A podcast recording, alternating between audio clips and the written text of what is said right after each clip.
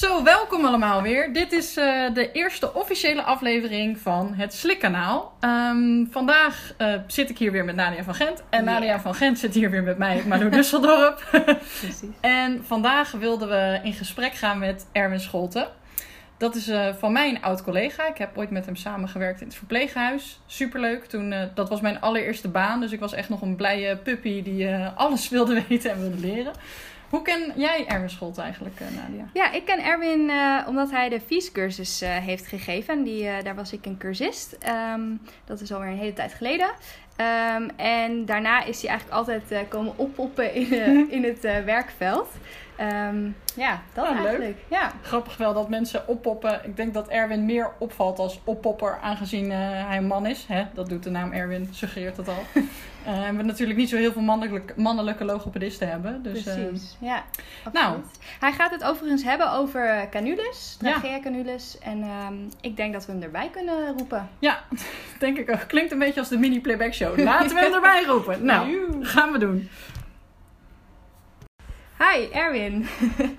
Welkom bij onze eerste aflevering. Fijn dat jij uh, nou, met ons wil spreken over canules. zou je jezelf eerst even kunnen voorstellen? Wie ben jij? Ja, wie ben ik? Uh, dat kan. Uh, alle, allereerst, leuk dat ik mee mag doen. Leuk dat jullie het doen. En uh, bedankt dat ik de spits mag afbijten. Ehm, ik ben Erwin Scholten. Ik ben nog steeds logopedist. en na zes, zeven jaar in de oncologie en neurologische revalidatie te hebben gewerkt als logopedist, werk ik nu voor Atos Medical. En dan werk ik als productspecialist en eigenlijk uh, met name gericht op tracheotomie of canulezorg. Um, dus dat is nou ja, niet echt wie ik ben, wel wat ik op dit moment doe. Nou, dat is een uh, hele goede. Onder andere iets wat we heel relevant vinden. Zeker, absoluut. ja. ja, dus je bent eigenlijk een soort van wel de logopediewereld dan. Uh, of je hebt de logopediewereld een soort van verlaten, maar niet helemaal. Dus je bent niet meer praktiserend ja. logopedist, of wel? Nee, nee, nee. nee. Ik behandel. Uh, ik behandel patiënten niet. Uh, maar ik zie nog wel veel patiënten van, uh, van verschillende ziekenhuizen. En ik, ja, ik zie mezelf echt als een, een verlengde eigenlijk van, uh, van de behandelaars. En ondersteunend aan de patiënt en ondersteunend aan ja, artsen, logopedisten. Maar dat is wel leuk om daar dan even op aan te sluiten. Want, want wie, waar kom je dan allemaal en wie zie je dan allemaal wel? Want je zegt ik kom in verschillende, op verschillende plekken. wat, wat moeten we ons daarbij voorstellen? Ja, ik kom met name uh, in het ziekenhuis bij de K Noord, op, echt op de poli eigenlijk. Mm -hmm. uh, dat gaat dan met name om, uh, nou ja, misschien nog daarvoor, de patiënten en de begeleiding waar ik bij betrokken ben, is vanaf prematuur, premature kindjes die een canule krijgen tot hoogbejaarden die nog een canule hebben en alles daartussenin. Um, en ik als het echt gaat om de volwassenen, en dan heb ik het echt over 18 plus zeg maar, dan kom ik met name op de poli bij, uh, bij de artsen om te ondersteunen en problemen op, probleemoplossingen te bedenken. Mm -hmm. uh, ik kom ook veel op verpleegafdelingen om te kijken uh, ja, hoe we eigenlijk het, het, de verzorging op de afdeling kunnen ondersteunen. we doen veel trainingen. Aan verpleegkundigen en buiten het ziekenhuis veel bij patiënten thuis, veel met thuiszorg om die te ondersteunen hoe die omgaan met een canule. Ja. En, ja, en op die manier heb ik ook veel contact met logopedisten. Ja. en, en bij de kindjes is het, is het echt een hele, heel bijzondere groep. Ehm, en daar zijn we echt een soort van aan het ondersteunen thuis ook, ouders aan het ondersteunen en ook uh, de, de specialistische verpleegkundigen die met een landelijke werkgroep alle lijntjes uitzetten. Om daar, ja, daar zijn wij echt een onderdeel van, uh, van de ketenzorg. Ja. Okay. Dus je hebt echt een heel uh, breed, ja, breed in de zin van landelijk, maar ook breed in de zin van verschillende patiëntendoelgroepen eigenlijk. ja, ja, absoluut. Ja. Mooi. Ja. Oké. Okay. En dus wat je, wat je ons nu allemaal hier in deze podcast vandaag gaat vertellen is uit eigen ervaring, denk ik? Ja, ja. zeker. Uit, uit ervaring, omdat het natuurlijk jullie, wat ook zo op mij aanspreekt, is natuurlijk de dysfagie. Hè? Dat ja.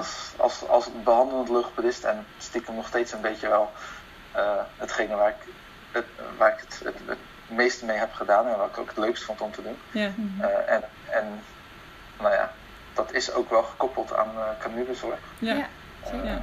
Maar goed, ja. En Nou, ja. voordat we dan echt zeg maar dieper eh, de kennis induiken die jij, eh, of alle ervaringen die jij hebt op alle verschillende eh, afdelingen, plekken waar je komt en de verschillende mensen die je spreekt, is het misschien handig als we eerst even het even kort hebben over de basiskennis van eh, ten aanzien van canules. Ehm, toen wij dit aan het voorbereiden waren, toen hadden we al even de discussie: wa- waar ligt de klemtoon bij eh trachea canules? Is het trachea of trachea canule? Ehm, Ja. maar om even heel kort, wat is een canule? Nou, een, een canule is een buisje Ja. Eh, en niet te verwarren met een Larry Tube bijvoorbeeld. Eh, een, een, over het algemeen is het een, een buisje met een binnen- en een buitencanule. Mhm. Eh, en de functie van een canule is, is eh, om een open luchtweg te Mhm. creëren en behouden. Mhm. Ehm, en om eh, aspiratie te voorkomen als je een gekufte canule hebt. Maar het is, het is in principe is het gewoon om een, een, een lucht, open luchtweg te behouden ten Ja. alle tijden. En die zit dan in je, in je trachea, in je, Of trachea. of trachea, Of trachea, ja. in je voor, luchtpijp. voor, voor het geval dat er een, eh, een, een, een taalkundige luistert, Ja, Precies. zal- zal ik er geen uitspraak over doen wat, eh, wat dan eh, de waarheid is. Ik, ik heb geen idee. Het is wel, ik zeg altijd trachea canule. Ja. Oké, Ja. Dan eh, hebben we dat in ieder geval gemeen. Ja. Zolang we het niet over oesophagus canule gaan hebben, zitten we goed volgens mij. En, je, en je zei al even Larry Tube. Daarmee bedoel je denk ik dat, het, dat een laryngectomie, een totale laryngectomie, iets anders is dan een, eh, nou ja, een tracheotomie. Ehm, Ja. Ja. Eh, het verschil is met name dat een, een laryngectomie is een, een permanente verandering van de anatomie. Ja. Waarbij de slokdarm en de trachea losgekoppeld zijn en, de, eh, en het verwijderd. En een tracheotomie is... Tomie betekent letterlijk incisie en trachea dan de luchtweg. Dus het is een incisie in de luchtweg die tenzij er een, een bijzondere eh, een medische handeling wordt uitgevoerd, is het in principe een reversibele ingreep. Dus als je de canule verwijdert, Mhm. dan is de situatie weer, de anatomie Ja. is weer zoals die ook was. daarvoor was. Ja. En wij zullen het nu dus vandaag voornamelijk hebben over canules in combinatie met een tracheotomie. Alleen maar. Ja, Alleen maar. ja, precies. Ja. Ja, ten, anders wordt het eh twee keer zo lang gesprek. Ja. Dat is een mooi volgend onderwerp. en eh, waarom krijgt iemand dan eh, een canule? Wat, is, wat kunnen de Ja, redenen daarvoor zijn?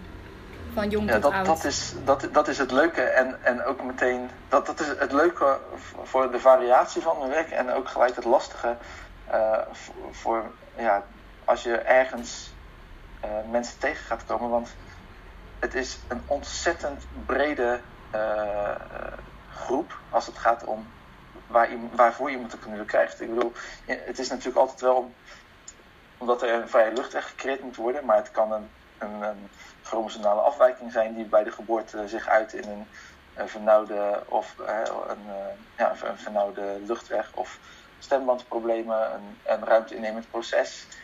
Eh, kindjes die een schommel wegduwen, afgeleid zijn, die komt terug en die verbrijzelt de luchtweg. Dus traumapatiënten van alle leeftijden, Ja. Eh, spierziektes, het is gewoon heel breed. Ja, Ja. precies. Verschillende redenen dus. Ja. Ja. En dat, en dat maakt het daarmee ook gelijk zo belangrijk dat je altijd eh, het ziektebeeld goed begrijpt. Mhm. En vervolgens je verbeelding kunt gebruiken om te bedenken hoe het er van binnen aan toe gaat en waarom die canule er zit. Ja. Want het heeft, eh, het heeft gevolgen voor hoe je in de revalidatie ook met producten omgaat. Maar daar komen we straks Zeker. wat uitgebreider op, denk ik. Ga je Ja. nog meer over vertellen? Leuk, ja. Oké. Want dat suggereert eigenlijk gelijk al, er zijn een hoop soorten, typen, maten. Eh, een canule is niet zomaar eh, een buisje wat je even bij de gamma haalt en eh, door die trachea duwt. We hebben een hele hoop keuze daarbinnen, toch? Of, Dat absoluut wel. Ik heb wel begrepen dat in, in, een arts vertelde dat in, in India, die was daar naartoe gegaan en dat allemaal canules van ons meegenomen, gewoon om daar uit te delen. ja. Eh, en die vertelde dat daar wel mensen naar de plaatselijke gamma-achtig iets waren geweest. Oh, Want daar kregen ze uit het ziekenhuis krijgen ze één buisje, dan moeten ze het één canule, dan moeten ze de rest van hun leven eigenlijk mee doen. Maar dat gaat natuurlijk niet. Nee. Dus die maakten daar hun eigen canules. Maar Oh, wauw. je hebt, je hebt India. Ehm, heel veel verschillende merken. En binnen elk merk heb je allerlei soorten types. Ja. Ehm, en uh, nou, heel kort door de bocht. Je hebt PVC, polyurethane met wat dunnere wanden, zilveren canules. Uh, je hebt canules met teflon bindencanules. Je hebt allerlei verschillende lengtes, diameters, uh, aflopend, of terwijl konisch of cilindrisch, dus dat hij over de hele lengte dezelfde diameter heeft. Je hebt allerlei aanpassingen met zonder gaatjes, met cuffs, zonder cuffs, uh, met extra uitzuiglijnen, uh, gewapende canules, distaal of proximaal verlengd, dus aan, het, aan de voorzijde of aan de achterzijde verlengd met verschuifbare schildjes. Oké, okay, ik denk en, dat we op het punt komen dat we jou moeten gaan afbreken. En, ja, want hoe weet je dan wat bij welke patiënt uh, zinvol is? Ja, dat... ja, ik, mijn, mijn persoonlijke visie is dat een patiënt hoort, wat mij betreft, nooit last te hebben. Hij hoeft geen last te hebben van zijn canule. Als die, okay. als die last heeft van zijn canule, dan, dan ben ik van mening dat er een andere passende oplossing beschikbaar is. Los daarvan uh, is, is de, de keuze voor een canule in ieder geval op termijn is, uh, is afhankelijk van het probleem wat opgelost moet worden. Ja. Als je een stenose hebt wat verder richting de carina of de, de bifurcatie van de, van de luchtwegen, dan heb je een canule nodig die wat dieper komt. Ja. Dus jij zegt eigenlijk, eigenlijk dus altijd wel een oplossing uh, te bedenken voor een probleem als de canule niet prettig zit of, uh, of een probleem. Ja, er is een oplossing te bedenken ja. als het niet prettig zit en ja. er is voor elke ja, anatomisch, anatomisch of medisch probleem is er wat mij betreft tot nu toe altijd wel een passende oplossing. Ja. Dus het is een beetje tweeledig. Ja. ja, en het is misschien goed om ons als therapeuten te realiseren uh, dat je dat misschien niet eens altijd hoeft te weten, maar dat je wel moet weten waar kan ik die kennis halen en wie kan mij daarin of mijn team daarin ondersteunen. Ja, ik, ik zou het niemand aanraden om zich te gaan verdiepen en te proberen alle kennis te kennen. Uh, ik, ik zou zeker, en dat is misschien voor, voor mij nu wel het leukste als boodschap om mee te geven, is uh, zorg dat je iemand hebt, en nou ja, dat, dat, dat, voor mij is dat nu mijn werk, zorg dat je iemand kent dat als je klachten hebt, en wat die klachten dan zijn, dat is ook een leuk onderwerp, maar dat je wel weet wie je moet bellen om te vragen, ik zoek een passende oplossing. Ja, Ja. voor de patiënt. Ja, precies. Oké. Oké. En ehm, ja, als je dan iemand voor je ziet, weet je dan ook, hoe kun je zien welke canule je voor je hebt? Of is dat, ja, staat eh, wa- wanneer de beste keuze is en is dat aan de, aan de arts? Of is dat ook in samenwerking met de logopedist? Of, ehm, Ja, de, de, ziekenhuizen, in, eigenlijk alle ziekenhuizen, zowel academisch als perifeer in Nederland, waar ze de canules plaatsen, die hebben eigenlijk eh, binnen elk ziekenhuis hebben ze een consensusafspraak tussen verschillende afdelingen. IC, KNO, de poli. eh, nou ja, eh, welke canule plaatsen we standaard? Dus dat is eigenlijk een, een, een standaard keus. Binnen het Op- ziekenhuis. En, ja, en Ja. vanuit daar werken ze eigenlijk. ja. En als er iets anders nodig is, een, een echt een, eh, een, een specifieke oplossing, dan wordt die gekozen. Eh, maar goed, als iemand met een canule het ziekenhuis uitgaat, dan is het altijd wel interessant om te gaan kijken, oké, wat is een goede permanente oplossing? Dus heel even kort samenvattend. Als ik als logo eh, de afdeling oploop en ik zie mijn patiënt daar liggen met een canule, dan is het eigenlijk een beetje afhankelijk van de keuze van het ziekenhuis waar ik werk, wat het beleid daar is, wat de canule is die erin Ja, zit. ja, Ja, ja. oké. Ja, dat, dat is zo. En, en nu ben ik natuurlijk helemaal vrij om mijn mening te geven. Zeker, pak je podium. dat, is, eh, dat is zeker niet altijd eh, de beste oplossing voor een patiënt. Nee. Dat is Want- toch ook wel klantmerkgebonden. Eh, ja, en, en vooral omdat, nou ja, we zijn allemaal anders. Onze anatomie is in, in nou, grote lijnen hetzelfde, maar de diameter van onze trachea, de, de, de, hoe ver ligt de trachea van de huid af, hè? dus de bocht van een canule is bepalend of die prettig zit voor iemand. Dat, dat soort zaken, eh, ja, dat is per, per merk heel erg wisselend. Ja. De- en om nog antwoord te geven op jouw vraag, eh, Nadia, hoe zie je dat? Ja.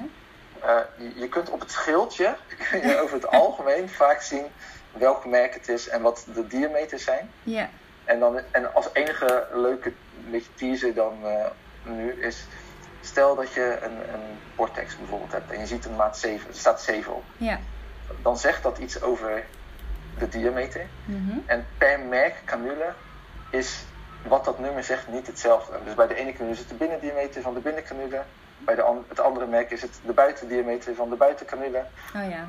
Dus verkijk je niet zozeer op wat het cijfer zegt, maar zorg ervoor dat je de juiste informatie krijgt, zou ik, zou ik eh, Ja. aanraden. Precies. Oké. Ja, oké. Ja. En eh, dan is dat gelijk een, misschien een mooi bruggetje. Want je hebt natuurlijk ook, je gaf het net al aan, je hebt kuf en eh ongekuft, eh, opgeblazen kuf, lege kuf. Eh, kun je iets meer vertellen over de wereld van de kuf? De wereld van de kuf, waar zo ontzettend eh, veel over te zeggen is. Nou ja, ik denk dat we dan voornamelijk eigenlijk een beetje wat meer willen weten over slikonderzoek en eh, een gekufte of ongekufte canule. Maar eerst dat wat een kuf had ik al. Doet? Ja, Ja. precies. Wat de Oké, functie nou een kuf, een kuf is, heeft twee functies. Ik heb mezelf heel vaak horen zeggen, hij heeft er één, maar het zijn er volgens mij echt twee. Ehm, als het gaat om dysfagie, dan heeft een kuf een hele belangrijke functie. Dat, of misschien nog één stapje terug. Een kuf is een ballonnetje op, op het uiteinde van de canule. Mhm. Eh, als je die opblaast, dan ehm, is de luchtweg eigenlijk vanaf de stembanden naar beneden hè, is afgesloten. Mhm. Ja. Dus dat heeft als functie dat als iemand aspireert eh, via de normale weg, dat eh, het niet allemaal zo zijn eh, luchtwegen of zijn, zijn longen inloopt. Mhm. Daarnaast heeft het ook nog een belangrijke functie dat als iemand eh, beademd wordt, dat je geen luchtlekkage of luchtdrukverlies hebt eigenlijk via de bovenste luchtwegen. Helder. Dus Ja. dat is de functie. Precies, oké. Dus bijvoorbeeld in speeksel eh, kan iemand dan dus niet, eh, dat kan niet de longen inlopen inderdaad. Door, dat, door de Nee, kuf. zolang die Ja. kuf opgeblazen is. En dan, en dan kom je bij nou ja, een punt waar veel over gediscussieerd Ja. wordt. Ik denk al wat Eh. ik weet wat je gaat zeggen. Ja.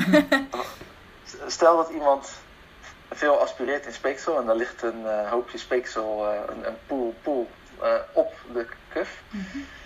Ehm, als je in de meeste richtlijnen of ingekochte protocollen of zelfgeschreven protocollen, afhankelijk van het huis of setting of ziekenhuis waar je bent, eh, wordt er gezegd hoe je daarmee om moet gaan. Dus je laat de kuf leeglopen en dan ga je diep uitzuigen bijvoorbeeld. Of je zuigt eerst uit Mhm. en eh, dan eh, laat je de kuf leeglopen en dan zuig je nog een keer uit. Of in sommige canules die hebben een extra lijn die boven de kuf uitkomt. Dan kun je via, dan kun je met een opgeblazen kuf kun je al uitzuigen boven de kuf. Dan leeg laten lopen en dan nog een keer uitzuigen. Dus het is heel erg wisselend hoe je daarmee omgaat. Ehm, en in, in Nederland in ieder geval is het eh, nog steeds heel gangbaar dat een kuf opgeblazen wordt met een door het ziekenhuis bepaalde hoeveelheid cc, lucht of Ja. vocht, afhankelijk van wat voor kuf je hebt. Ehm, terwijl je steeds meer richtlijnen vanuit grote universitaire ziekenhuizen in Amerika bijvoorbeeld leest dat ze zeggen je moet met een kufdrukmeter opblazen. Eh, dan is de druk op de wanden van de trachea zodanig dat die voldoende afsluit. Ja. Mhm. En nooit te veel dat je drukplekjes, de cubitus of zelfs necrose kunt ontwikkelen. Ja. En, en dat is ook de reden dat in Nederland vaak gezegd wordt: je moet één keer per 24 uur ontkuffen. Om te voorkomen dat die druk op dezelfde plek in de trachea continu is en, en eh, complicaties veroorzaakt. Maar zou je dat dan dus niet hoeven hebben op het moment dat je met een eh eh kufmeter... Kufdrukmeter. Kufdrukmeter, Ja, ik vergeet altijd... is het eigenlijk. Ja, als je, maar als je dus met een kufdrukmeter meet, zou je dan niet theoretisch gezien na 24 uur hoeven ontkuffen, want dan is de spanning niet Ja, Maar dermate dan, hoog. dan, dan, dan ga ik weer eh, naar iets wat ik eigenlijk aan het begin had- moeten zeggen. Niets wat ik zeg. Precies, oké. Ik, Ik dus ik pretendeer niet eh, een soort van eh, de, de waarheid Nee, te hebben. Maar de kans, wat mij betreft, is. en, en daar is Ja. wel wat literatuur over ook hoor. Maar Ja. er is nog steeds niet een geschreven medische wet op dat, eh, Op dat punt. Nee. Ja. En hoe, hoe zit het dan met, met niet gebeurd. Nee.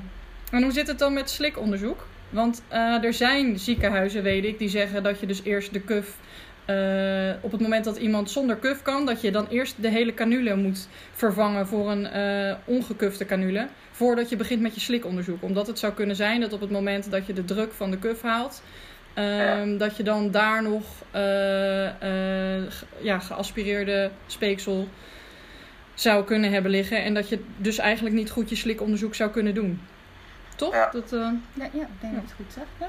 Ja, ik, dit is echt een, dit is een punt van veel discussie op, meerdere vlakken. Op wa- wat jij zegt, dat er mogelijk als je het de ballon leeg laat lopen, dat er mogelijk nog iets zit ja, waarin geaspireerd kan worden. Dat, dat is een punt van discussie.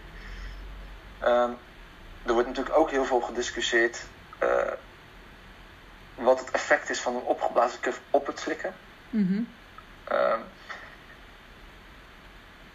wat, wat nou echt de waarheid is, nogmaals, hierin weet ik niet precies. Ik kan wel wat meer vertellen over wat literatuur die, eh, die er beschikbaar is. Graag. Of, of je echt een gekufte canule volledig moet verwijderen om überhaupt een gedegen en een slikonderzoek te kunnen doen zonder te veel kans op een vals eh, positief. Mhm. Vraag ik me af, als de canule gewoon, als die kuf goed leeg is, Mhm. En er is uitgezogen en iemand heeft eventjes de, de tijd gehad om nou ja, te acclimatiseren misschien, als het zo noemen. En je doet vervolgens je slikonderzoek, dan, ja, dan denk ik dat het gewoon moet kunnen. En, en, en waarom ik dat zo vind, is omdat ehm, een canule wisselen, en zeker een gekufte canule, is best wel een ingrijpend iets. Dus als je alleen maar voor een eh, slikonderzoek in het moment of een observatie is dan helemaal extreem zelfs, een canule voor wil wisselen, eh, dan ja, dat is nogal wat. En Ja. De meeste eh, low pressure cuffs, dat is echt een ballonnetje die er om me heen hangt. Als je die uit, de, uit het stoma haalt, dan gaat dat niet zonder eh, de benodigde moeite. En, Ja. Maar in ieder geval moet de, de kuf wel leeg zijn. Dat, dat wel. Om een slikonderzoek Wat- te doen. Maar het hoeft niet per se volledig gewisseld te zijn naar een... eh, of tenminste, daar is althans geen literatuur over. eh, Nou, kijk, als de cuff opgeblazen is, dan zal het nooit aspireren. Dus dan kom je er gewoon niet achter. precies. Want dan ligt alles ligt op de cuff. Ja. Ehm, en, en is het ook nog zo dat, ehm, stel nou dat je endoscopisch zou kijken, Mhm. wat er gebeurt. Als je een, en die, de, de literatuur zal ik wel doorsturen dat je dat kunt toevoegen. En dan Ja. kunnen mensen dat ook eens nalezen. Er, is, er, is- er zijn twee leuke onderzoeken, eh, waarvan eentje zegt, en die is ook best wel eh, makkelijk te, te verbeelden. Op het moment dat iemand een canule draagt, Mhm. dan is er een veranderde luchtdruk eigenlijk in de, in de keel. Ja. In de, in de, in de pharynx en in de, de ook. Want er is een opening, gewoon een opening in de trachea die er eigenlijk niet hoort. Ja. Op, en wat, wat ik uit ervaring als logopedist, we deden natuurlijk heel veel vieze onderzoeken. En wat, en wat ik heb gezien ook echt, en wat je dus ook terugleest, is dat door de aanwezigheid, langdurige aanwezigheid van een canule, eh, en die waarschijnlijk de verandering van de luchtdruk, ontstaat er eh, een sensibiliteitsprobleem. Eh, Mhm. En dan heb je al wat meer last van pooling, eh, mogelijk, al van, van slijm. Eh, en als je dan ook nog eens, op het moment dat je slikt en de stembanden zouden sluiten, dan zou je een positieve druk opbouwen onder de stembanden. En die gaat natuurlijk verloren doordat je een canule hebt. Ja, precies. En met een, dat in combinatie met een verminderde sensibiliteit is de kans op aspiratie groter. En je ziet wel eens bij, bij onderzoeken dat je ziet de canule gewoon zitten tussen de stembanden. En dan voordat iemand slikt, of als iemand net iets geslikt heeft, dan zie je nog steeds stille aspiratie. Of een, eh, hè, de, dan zie je gewoon de, de, de vloeistof tussen de stembanden doorlopen. ja. Dus die kans bestaat. Ehm, en ehm, eh, nou goed, ik- eigenlijk zijn Dus- dat Dus de... meerdere punten die over die twee onderzoeken benoemd worden. ja. Goeie. Ja. Dus dan heel hard gezegd, ik kom de afdeling op, ik zie een patiënt liggen, zit een canule in. Nou, dat is een NPO'tje. Mm, Nou, dat nee. Nee? Waarom niet? Nee, dat is. Omdat niet iedereen met een eh, canule een sensibiliteitsstoornis ontwikkelt. Nee. Eh, Maar ik, ik denk dat het gewoon belangrijk is om te weten dat het kan. Ja, dus canule is niet, eh, staat niet gelijk aan slikklachten. Maar je moet wel in het achterhoofd hebben, iemand heeft een canule. Dus eh, de, of het is veranderd. ehm, ja, en Ten daar- aanzien van ja. hoe het was. Dus de kans op, op sensibiliteitsproblemen, slikproblemen is Maar- wel ja. vergroot. Ik denk dat dit, dit soort educatie zorgt er gewoon voor dat je een breed spectrum hebt om te kijken naar je patiënt. En Ja. dat je weet wat er kan gebeuren. Ja. Ja. Zodat je, zo, ja, zodat je gewoon goed blijft deduceren wat je ziet. En, en wat ik overigens nog wel wilde toevoegen, Ja. dat een, een van die onderzoeken, dat heb ik dan niet benoemd, daar, daar wordt ook letterlijk in beschreven dat op het moment dat iemand de, de hoeveelheid druk van een cuff, Ja. als die toeneemt, Mhm. dan zie je een afname van de acceleratie van de laringsheffing. En je zag ook een. Goed. Een, een, een verminderde eh, kanteling ook. Maar goed, ik zal dat, dat stuk zal ik er bij zetten. Maar dan Ja. zie je dus dat Ja. er bepaalde eigenschappen van de larynx in zo'n moment van slikken die, eh, die veranderen. Ja. En de snelheid daarvan neemt af op het moment dat een cuff eh, sterker opgeblazen is. ja. Precies. Nou ja, goed, goed denk ik om deze literatuur ook zo meteen even te delen en Ja. in deze, onze beschrijving te zetten, denk ik. Toch? Ja, het, is echt, het is echt super nerdy, maar het is, het Nee, is gewoon leuk wel- om, te ja, kijken ja. Wat, wat de gevolgen zijn die onzichtbaar over het algemeen zijn voor ons. Ja. Ja. En dat is eh, meteen een mooi bruggetje, want er is natuurlijk ook literatuur te vinden over de welbekende blauwsliktest. Eh even vertaald naar het Nederlands, want dat is natuurlijk een Ja. Engelstalig onderzoek geweest. Ehm, die eh, ken jij vast ook, de blauwsliktest. Ja. Ehm, weet je daar meer over? Kun je vertellen of dat betrouwbaar is? Ehm, nou ja. Heel even kort, voor de logo's die het niet weten of Dank hier je. niet zo mee Ja. bekend zijn. Blauwsliktest, wat is dat? Nou, wil jij het zelf toelichten? Nou, ik vroeg het aan jou, Erwin. en jij bent hier. Is het, ik weet niet, is het, of het, volgens mij is het methyleenblauw. Ja, Een ja, kleurstof die ze, die ze inderdaad dan slikken. ja. Eh, en ehm, nou ja, wat de canule betreft, als het uit de canule komt, Ja. dan eh, is het dus tussen de stembanden doorgaan, is er sprake Ja. van aspiratie. Ja. Eh, en dan, wat dan wel een, een leuke is, is dat er, ik ken intussen nou, meer dan twee handen vol patiënten die, eh, die een, uiteindelijk puur en alleen hun canule nog hebben, omdat ze dan geen herhaaldelijke luchtweginfectie krijgen. Die canule is dan ja, een soort van nooduitlaatklepje van datgene wat ze aspireren. Mhm. En daarmee eh, Op kunnen Ja. hoesten. kunnen ze, kunnen ze het kwijt. Ze, ze, ze, krijgen het, ze aspireren gewoon eh, frequent en consequent. Ja. En dan helpt zo'n canule dus nou ja, toch daarbij. Bij deze patiënten zou dus die methyleenblauwtest heel erg eh, positief zijn. Ja. Ja. Maar jouw andere vraag, of die 100% betrouwbaar is, ja, dat, dat weet ik eigenlijk niet. Nee. Nou Als ja, iemand aspireert en ook gewoon totaal geen hoestreflex vervolgens heeft. En eh, ook niet zo heel erg veel slijm verder heeft. Of zijn longen produceren weinig sputum. Ja. Ja, dan, dan misschien merk je het niet eens. Ik, ik durf dat eigenlijk niet eh, hard Nee, te zeggen.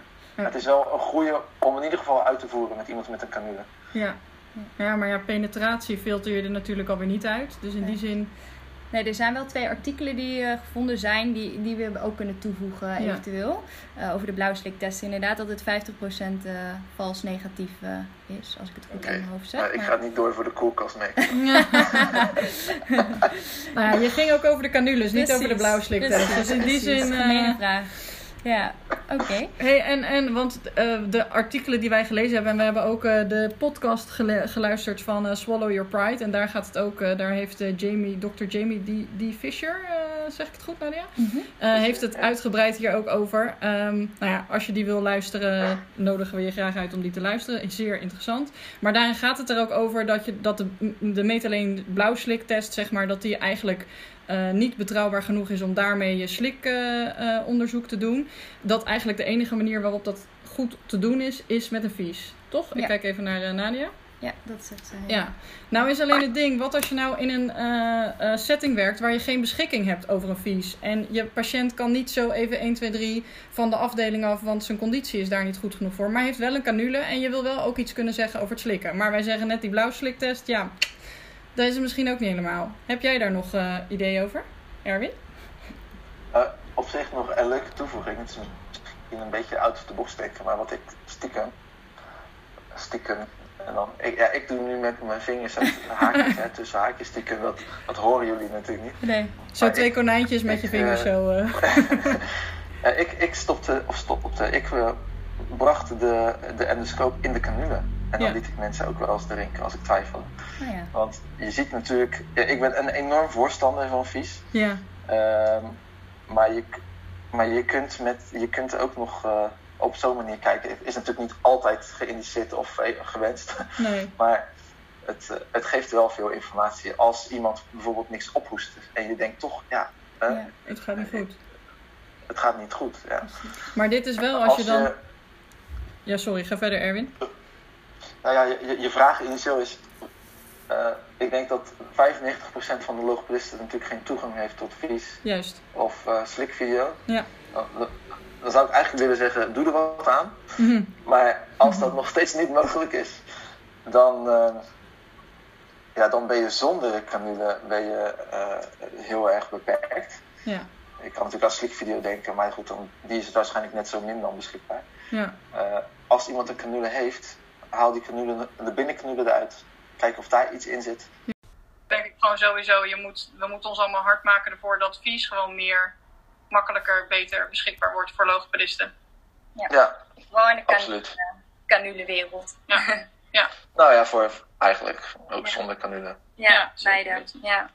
Als iets objectiever kan. Ja. Mm -hmm. Toch? En nog even, want dat vind ik nog wel een leuk uh, puntje. Ga ik wel echt even een heel uh, ander brugje. Maar um, uh, we hebben nog de welbekende spreekklep of het spraakventiel of hoe je het ook. Kun je daar nog kort even iets. kort, ja, ik kan echt uren met je praten, maar. Doe maar kort, ja. in de tijd ook.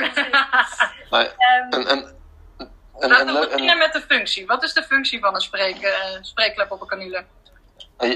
Laat ik, laat ik het nog ergens anders beginnen. Je ziet heel vaak uit ziekenhuizen zelfs dat mensen in een ontslagpakket een automatische spreekklep hebben. Ik zou zo meteen heel graag, als het kan, nog iets over uh, longrevalidatie bij canulezorg willen vertellen. Uh, over de HME's of heat moisture exchanges of kunstneuzen, filters, doppen, hoe je het ook wil noemen.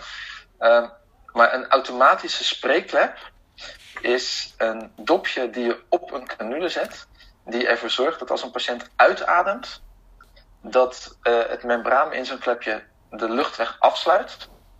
En dan moet de lucht vervolgens langs de canule eigenlijk via de normale weg, langs de stembanden, uh, naar, naar, naar, buiten. En um, nou, ik heb net uh, verteld dat er zoveel verschillende oorzaken zijn of, of redenen waarom canule wordt geplaatst. Maar er zijn heel veel mensen die een canule hebben vanwege problemen met de inademing. Mm -hmm. Dus als je uitademt en de stembanden staan in een, uh, in een uh, adductiestand door een bilaterale ver verlamming, dan uh, als er een luchtstroom doorheen gaat, hetzelfde als als je onder de douche staat met een gordijn, dus een luchtstroom, het gordijn komt naar je toe, het effect van Bernoulli, zo functioneren die stembanden ook. Er gaat een luchtstroom doorheen, ze komen naar elkaar toe, sluiten af. En je duwt ze dan eigenlijk open, omdat je de lucht naar buiten drukt. Ja. En, en dus mensen die een stembandprobleem hebben, die kunnen vaak met een canule, als die afgesloten is, nog stem geven in verschillende maten van uh, kwaliteit. Het probleem zit echter, als ze inademen, dan staan de stembanden te dicht op elkaar, waardoor ze sluiten bij een inademing. Alleen dan wordt er dus niet geen licht naar binnen geduwd, maar je, je trekt of zuigt een vacuüm. Ja. Dus een automatische spreekklep, die kan op de canule, ja. waardoor de luchtweg of de canule afgesloten wordt bij de uitademing en dan kunnen ze spreken en op de inademing gaat de lucht gewoon via de canule naar binnen. En dan heb je gelijk uh, uh, het onderwerp van kan, is een spreekklep dan een goede indicatie om te kunnen gaan afdoppen? En een decanuleringsproces in te gaan? Ja. Uh, het antwoord is dus nee. Okay. Want uh, dat, die twee hebben eigenlijk niks met elkaar te maken. En, en ik begon net, in veel ziekenhuizen zit in een ontslagpakket een automatische spreeklep. Ik vind dat heel gevaarlijk. Omdat als de reden voor de canule een ruimte innemend proces is, boven de canule, nog onder de stembanden, of de hoogte van de stembanden, wat mij betreft, en je zet er een spreekdop op, dan moet de uitgeademde lucht dus via de normale weg naar buiten. Maar als dat dus niet gaat, dan stikt zo'n patiënt. Ja. Dat, ik bedoel, dat gebeurt niet als je het probeert met ze. Want ja, hij, dat komt er wel vanaf als die blauw wordt. Eh, maar dat is wel heel goed om op te letten. En ik denk ook dat het daarom zo belangrijk is dat er ook zeker dat patiënten nooit slapen met een automatische spreekklep. En, en patiënten moeten gewoon goed ge- ge- getraind eh, worden in dit soort dingen. Want als je dus gaat slapen met een spreekklep en je kracht van uitademing is wat minder en je kunt niet al je lucht kwijt, dan, eh, dan stapelt dat zich op, die, kool, eh, die koolgassen. En ja, dan word je in toenemende mate benauwd of je zou kunnen inslapen zelfs. Nou, ik heb het nog nooit meegemaakt dat het gebeurd is, maar het, je mag dus gewoon niet slapen met een eh Spreken. Nee. En, da- en al- tot slot, sorry, Nee, nee, maar nu wordt het echt, nu wordt het echt interessant, want ehm, er zijn dus heel veel patiënten die gebruiken zo'n automatische spreekklep. En dat vinden ze super fijn, want dan heb je natuurlijk je handen vrij. Alleen ze zijn wel, ze, ze zijn snel moe, ze zijn vaak moe overdag. Eh, ze, ze geven de schuld aan de conditie, maar ze kunnen hun lucht onvoldoende kwijt door die spreekklep. Mhm. Nou, dan, heb je twee opties. Of je, je haalt die spreekklep weg en je doet er iets op wat ingedrukt moet worden om te kunnen spreken. En, en er bestaat één, eh, één automatische spreekklep die een, eh, een draaifunctie heeft. Die kun je open en dicht zetten. Dat heet een, een joker. Eh, en dan kun je dus, die kun je dus gewoon open laten staan dat je vrij kan ademen. Eh, en als je wil praten, dan kun je hem dichtdraaien. Dan kun je hem twee uur dicht houden en daarna weer openzetten als je zou willen. Oké. Dat is, ook, dat is overigens de enige spreekklep die er bestaat voor patiënten met een canule. Die zowel die spreekfunctie heeft als een bevochtigende, eh, verwarmende of verkoelende, afhankelijk van de temperatuur. Dus een, een heat-moisture eh, exchanger in HME. Dus dat, dat is eigenlijk ook wel goed om te weten als eh, logopedist. Goed je kennis daarover te hebben. Wat adviseer ik iemand en wanneer gebruik je dus welke canule? Op het moment dat je dus heel veel vermoeid bent. Eh, maar toch graag je handen vrij hebt. Dat je goed weet wat voor producten zijn er. En wat, wat voor een leven heeft iemand. En wat voor een canule past daarbij. Spreekklep. Ja, Spreeklep, sorry. Ja, Spreeklep. sorry. ja nou, ik, ik, ik maak echt een dankbaar gebruik nu van het platform om een aantal dingen gewoon mee te geven aan de mensen die het interessant vinden. Ja. Ehm, Zo'n spreekklep is natuurlijk praktisch heel fijn, maar je moet goed begrijpen wat het effect is. Eh, en alle spreekkleppen, nou ja, alle klopt dat dus niet, op één na, alle spreekkleppen hebben dus geen bevochtigende functie. En wat is dan het grote probleem? Dat zijn de standaard spreekkleppen uit bijna alle ziekenhuizen. Eh, zonder die bevochtigende kunstneus krijgen patiënten gewoon ook nog andere klachten. De luchtwegen drogen uit, Ja. de long- longen gaan meer slijm produceren. Dat zijn allemaal patiënten die last hebben van tijdslijm, ochtends of, of, of als ze wakker worden of gedurende de dag, die moeten gaan druppelen. Die moeten op termijn gaan ver- vernevelen. Eh, en ik zeg niet dat je dat altijd kunt ondervangen en, op, en oplossen met een, een HME.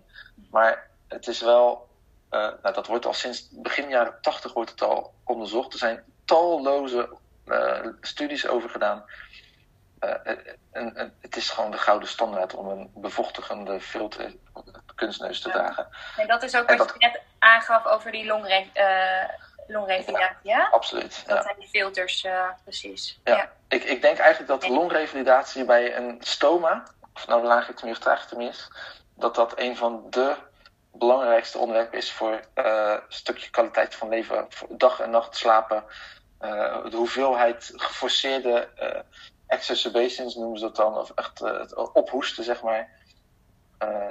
Gedoe met slijm, spraak, weet je. Dat, het heeft allemaal met elkaar te maken. Dus kunstneuzen en juist dus, of geen spreekkleppen is, is denk ik wel iets waar je gewoon altijd in moet verdiepen. Oké. Oké. De- gezien de tijd, we, hebben, we kunnen nog uren doorkletsen. Maar misschien moeten we daar een keer een andere aflevering voor maken. Ehm hem laatste, gewoon bellen. Ja, of, of gewoon bellen inderdaad. Eh, dat, dat mogen alle logopedisten zelf doen bij deze. Ehm, maar het, het, eh, de laatste vraag. Mag, mag ik dan zeggen, da- daar ben ik het overigens mee eens. Hè? Ja, ja, Het, is, het is letterlijk mijn functie om ehm, te ondersteunen. ja. Waar dan ook nodig. En, en eh, ik had gevraagd, zet mijn contactgegevens, mijn telefoonnummer en mijn e-mailadres gewoon erbij. Als je, en, en dat was een goede, als je een patiënt hebt, dan is het eigenlijk, en zeker als je er af en toe eentje krijgt. Ik zie zoveel thuiszorg die af en toe een canulepatiënt in zorg krijgen. Dan moet het hele team weer geschoold worden. Als je gewoon weinig van deze patiënten ziet, is het belachelijk om te vragen van je dat je alles daarover weet. Alle soorten canules en aanpassingen, producten. Ga maar door. Maak er gewoon gebruik van. Bel me gewoon op per casus. En dan kunnen we samen een gepaste oplossing vinden. Uh, en gewoon de kwaliteit optimaal maken. Dat is echt wel het aanbod ook. Dus dat Fijn dat je ja, dat alvast zei. En dat is natuurlijk ook gewoon een manier van jezelf scholen door contact te zoeken met mensen die hier veel van weten. En, uh, en daardoor de volgende keer het wel, wel er wat meer over te weten. Ja, ja door ervaring Ja. ja, ja. ik, uh, ik denk dat we het hierbij gaan laten. Tenzij je zelf nog denkt, dit moet ik nog, uh, nog kwijt. dat was het laatste, zo'n mooie uitsmijter eigenlijk. Maar... Waarschijnlijk sla ik mezelf uh, voor het hoofd straks als ik iets moois bedenk. Maar ja, de uitnodiging eh, staat open. Dus neem gewoon contact op als je iets wil. Ook voor trainingen en zo, dat soort zaken. Dat mag ik gelukkig allemaal doen in mijn werk nu. Dus dat is superleuk. Ja. Dus ik zou zeggen, maak er misbruik van. En ik wil jullie uiteraard ook heel erg bedanken voor deze leuke uitnodiging. Ja, jij heel erg bedankt. Uh, fijn dat je onze eerste uh, spreker wilde zijn. En uh, ik heb veel geleerd alweer. Ja, top. En elke, elke podcast heeft een friend of the show nodig, hè? Dus ik kom graag af en toe even langs. Jij bent een friend of the show. Nou, goed, weet wat je zegt. We gaan je gewoon weer lastigvallen. Dus als friend of the show nu. Oké, okay, nou, hey, super. Nou, Erwin. Hoi, hoi. Yes, doei doei. Nou, we hebben onze eerste friend of the show. Joehoe! en onze eerste aflevering erop ja, zitten. Ja, heel gaaf. Echt heel leuk. Wel ja. spannend, moet ik heel eerlijk zeggen, maar wel echt heel leuk om ja. te doen. Vind ik. Vind vond ik ook, ook? Zeker. Ik vond het spannend, leuk, alles tegelijkertijd. Precies, ja. Um, nou, volgende keer gaan we net iets anders dan anders uh, doen. Um, in de zin van, we gaan het in het Engels uh, volgende keer doen. Tot zover de Nederlandstalige logopedie-podcast. Want... Ja, vertel. We gaan de Amerikaanse logopedist Ed Bice uitnodigen. En uh, hij gaat uh, alles vertellen over tongen. Het is wel heel leuk om uh, dit samen met Nadia te doen. Want Nadia is dus echt mega fan van Ed Bice. Dus die zit hier met een grijns alsof ze een soort kleerhanger heeft ingeslikt van oor tot oor. Dat is wel heel leuk om te zien. Zeker. Ed Bice werkt overigens bij IOPI. Dat is wel heel leuk om te vertellen. Ja. Dus die gaat ons daar meer over vertellen. Over tongen, IOPI. En um, nou ja, als jullie nu al vragen hebben voor hem... zet dat in de comments bij Facebook of LinkedIn. En dan kunnen we dat misschien meenemen. Ja, en um, ook uh, als jullie nog vragen hebben voor Erwin uh, of uh, met hem in contact willen komen, die, dat zetten we ook allemaal bij de beschrijving neer. Ja. ja. Um, nou, de verwachting de volgende podcast online te hebben staan is denk ik twee weken. Ja, dat is ja. het plan. 13 mei is een streefdatum, dus dan kunnen we advice aan jullie laten horen. Yes, en jullie kunnen ons natuurlijk allemaal volgen via Spotify, maar ook via de Anchor app.